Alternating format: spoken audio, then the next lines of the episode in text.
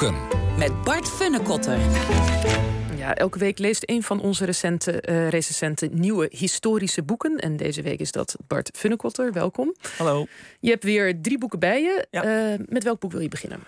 Ik begin uh, in Nederland. het boek heet Melancholie in de Gouden Eeuw. En het is van uh, Luc Kooijmans. Uh, dit is een pittig onderwerp wat dit boek behandelt. Het gaat namelijk over depressie en soms, uh, soms zelfmoord. Wil ik even gezegd hebben vooraf. dit is een boek over Nederlanders in de Gouden Eeuw, de 17e eeuw, die geestelijk ziek waren. Het waren mensen met een depressie, angststoornis, psychoses. Dat, dat, zo heten die aandoeningen nu natuurlijk. Maar dat, zo ja. heten ze in der tijd niet. Dat werd allemaal gevat onder melancholie. En dat komt van het, het Grieks, melas, wat zwart betekent. En gole, wat gal betekent. En het idee was dat je als je te veel zwarte gal had, dan was je dus melancholiek. En dan kreeg je dus uh, een depressie of een psychose of een angststoornis. Werd het ook gezien als een soort diagnose echt? Van oh, deze persoon heeft melancholie? Is, uh, heeft leidt aan melancholie, uh, inderdaad. En wat Luc Kooijmans heel mooi doet, hij vertelt het verhaal in dit boek door de ogen van melancholici en hun, hun omgeving. Uh, en om even een voorbeeld te geven, Casper um, van Baarle, bekend van het Barlees uh, Gymnasium uh, in Amsterdam, die leed aan deze aandoening. Openbaarde zich pas laat, toen hij 40 was. We weten tegenwoordig dat dat opvallend is, opvallend laat is. Hij had soms helemaal geen energie, kon alleen maar binnen zitten. Had angst voor gezelschap of om te spreken in gezelschap. Op een gegeven moment kreeg hij ook last van wanen. Hij dacht dat zijn benen van stro waren, dat hij zelf van glas was, dus dat hij niet meer kon lopen en dat hij moest oppassen als hij ging zitten. En je ziet dat die episodes die wisselden zich af. Eerst zat er tien jaar tussen die aanvallen en het werd steeds, het werd steeds meer. En in januari 1648 uh, verdween Casper uh, van Baarle opeens. En zijn meid vond toen twee zijn pantoffels bij de put in de tuin. En daar had hij zich ingestort. En de vraag was dan, was dat zelfmoord? Of dacht hij dat hij weer van stro was en in brand stond en zichzelf moest doven? Nou, dat is heel tragisch.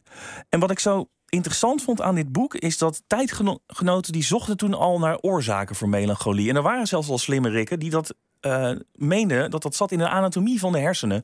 En wat ze aan, uiteindelijk voor conclusie aan verbonden, dat klopte natuurlijk niet. Maar ze zagen het in de, ze vermoeden inderdaad dat er iets in de hersens uh, kapot was.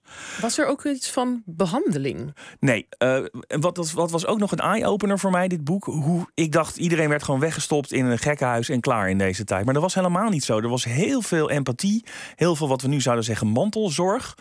de buren die bij iemand gingen waken als ze bang waren dat die zelfmoord pleegde. De familie die er alles aan deed om mensen er, er, eruit te trekken. Uh, er werd er gezegd, hey, wat je trouwens nu ook nog steeds hoort, joh, je moet gewoon aan de positieve dingen van het leven uh, denken en dan wordt het al wat. Of ga wandelen. Nou, van, van wandelen, van lichamelijke uh, inspanning weten we dat dat een van de weinige dingen is die wel kan helpen tegen dit soort uh, psychische aandoeningen.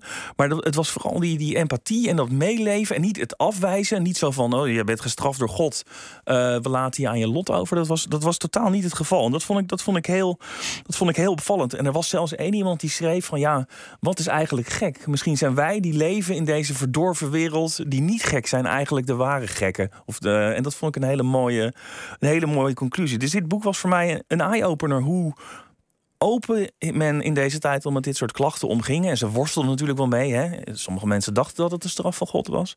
En hoe hard mensen hun best deden om vrienden en familie die uh, dit vreselijke lot trof, uh, uh, te helpen en bij te staan. Ja, dat klinkt bijzonder. Ook omdat het in zekere zin ja, vaak mensen die lang geleden leefden, dan dat worden bijna een soort bordkartonnen figuren soms. Ja. Hè? En, en dit vermenselijkt ze dan. Ik heel vond het een heel erg uh, menselijk boek, uh, inderdaad. Ja. De deed me goed. Oké, okay, van Luc Kooijmans, Melancholie ja. in de Gouden Eeuw. Volgende boek.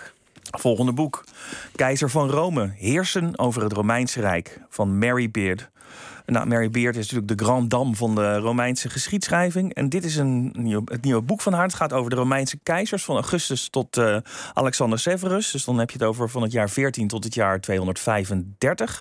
En dit boek is geen lange reeks biografieën waar ze stuk voor stuk al die keizers uh, worden beschreven. Nee, wat ze doet, ze heeft het boek thematisch ingedeeld.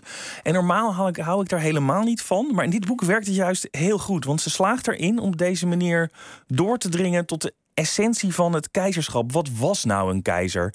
En uh, hoe zag de Romeinse bevolking zo'n zo, zo keizer?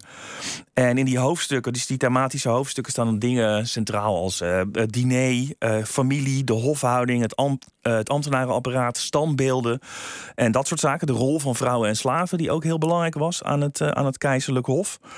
En um, dat, dat klinkt misschien een beetje van, oeh, dit is saai, ambtenaren, uh, standbeelden en dergelijke. Maar uh, Beert schrijft ook wel alle Jews op, zoals dat dan tegenwoordig heet. Ja. Die bekend is over de, over de keizers. Dus wat ze allemaal voor, voor malligheid deden. Ze zegt er altijd wel bij meteen van, oké, wie was deze historicus die dat opschreef en waarom deed hij dat? Maar ze begint haar boek met de avonturen van Elagabalus, denk ik de, meest, de beruchtste Romeinse keizer. Een jongen die op zijn veertiende op de troon kwam en er plezier aan had om zijn diner gasten scheetkussens onder, onder, uh, onder hun, uh, onder uh, lichtbank te leggen.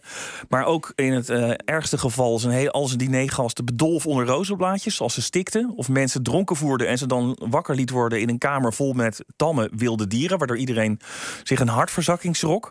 Dat was allemaal nog leuk en aardig, maar daarnaast kleedde hij zich ook als een vrouw en had hij aan zijn lijfarts gevraagd of hij geen incisie in zijn lichaam kon maken dat als die als vagina kon dienen. Nou, dat ging allemaal veel te ver. Daar werden veel te veel normen doorbroken. En Beert laat op die manier zien van een keizer was in staat om de natuurlijke wereld op zijn kop te zetten, want hij was keizer, was almachtig.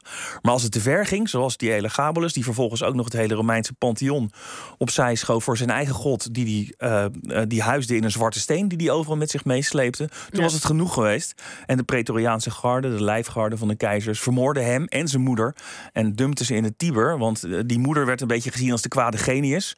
Dat is ook wat je vaak ziet met, uh, met meer keizers. Ja, er is een, een, vrouw achter de schermen. Er is altijd een vrouw achter de schermen die aan, die aan de touwtjes trekt. En als het geen vrouw is, is het wel een slaaf of een vrijgelatene die zich misdraagt. En dat wekt altijd ook altijd heel veel uh, heel veel ergernis uh, op. roept, dit roept natuurlijk meteen ook weer de vraag op wat je ook altijd hoort over Caligula: van ja, god, is dit nou niet allemaal gewoon verzonnen? Wilde hij echt uh, een consul maken van zijn paard? Wilde hij echt een ja. consul maken van zijn paard? Of zijn dat lasterpraatjes ja. die er later over hem zijn opgehangen? Zelfs als het lasterpraatjes zijn, schrijft Beert, dan vertellen de aard van die lasterpraatjes iets over wat wel een niet acceptabel gedrag was binnen dat Romeinse keizerrijk. Dus op die manier lieten de schrijvers zien van zoals Caligula of Elagabalus moet je echt absoluut niet gedragen. Want zoiets verwachten we niet uh, van onze keizers. En wat ik heel goed vind van Beert, je merkt in alles dat ze, ze schrijft ook in haar nawoord van ik wil, ik heb niet willen kijken met onze huidige bril naar hoe het uh, toen ging. Hè. Ik bedoel, eh, moord was een heel uh, normaal wapen in de Romeinse politiek. Dat, daar denken we nu anders over. Ze zei ik wil niet oordelen, maar je merkt toch aan alles dat ze daar best wel moeite mee had, want het was toch wel een, ja, een hele, met onze ogen een hele rare tijd en een rare plek daar, het hof van de Romeinse keizer. Maar daarom zeker de moeite waard om te lezen. Goed, oké, laatste boek van Michael P. Ja, nou ja, dit is... Van eh, Monty Python, toch? Van Monty Python, ja. Net zoals iets als, eh, als Bas dit. Uh, Michael Palin had ook iemand in zijn familie. Uh, dat was, die, die, was niet, die had niet iets met Hitler te maken. Hij vond in het familiearchief een fotootje van een man... met zo'n een snorretje, begin van de 20e eeuw... en een dagboek. Dat was zijn oud-oom Harry. Die had gevochten uh, in de Eerste Wereldoorlog. Hij kende die naam uh, verder ook omdat hij stond op zo'n plaquette in een dorp waar alle mensen die gevallen waren tijdens die oorlog, uh, de naam daarvan op zo'n plaquette stond. Want Auto overleed, stierf, sneuvelde in 1916 uh, aan de Somme, de beruchte slag uh, daar.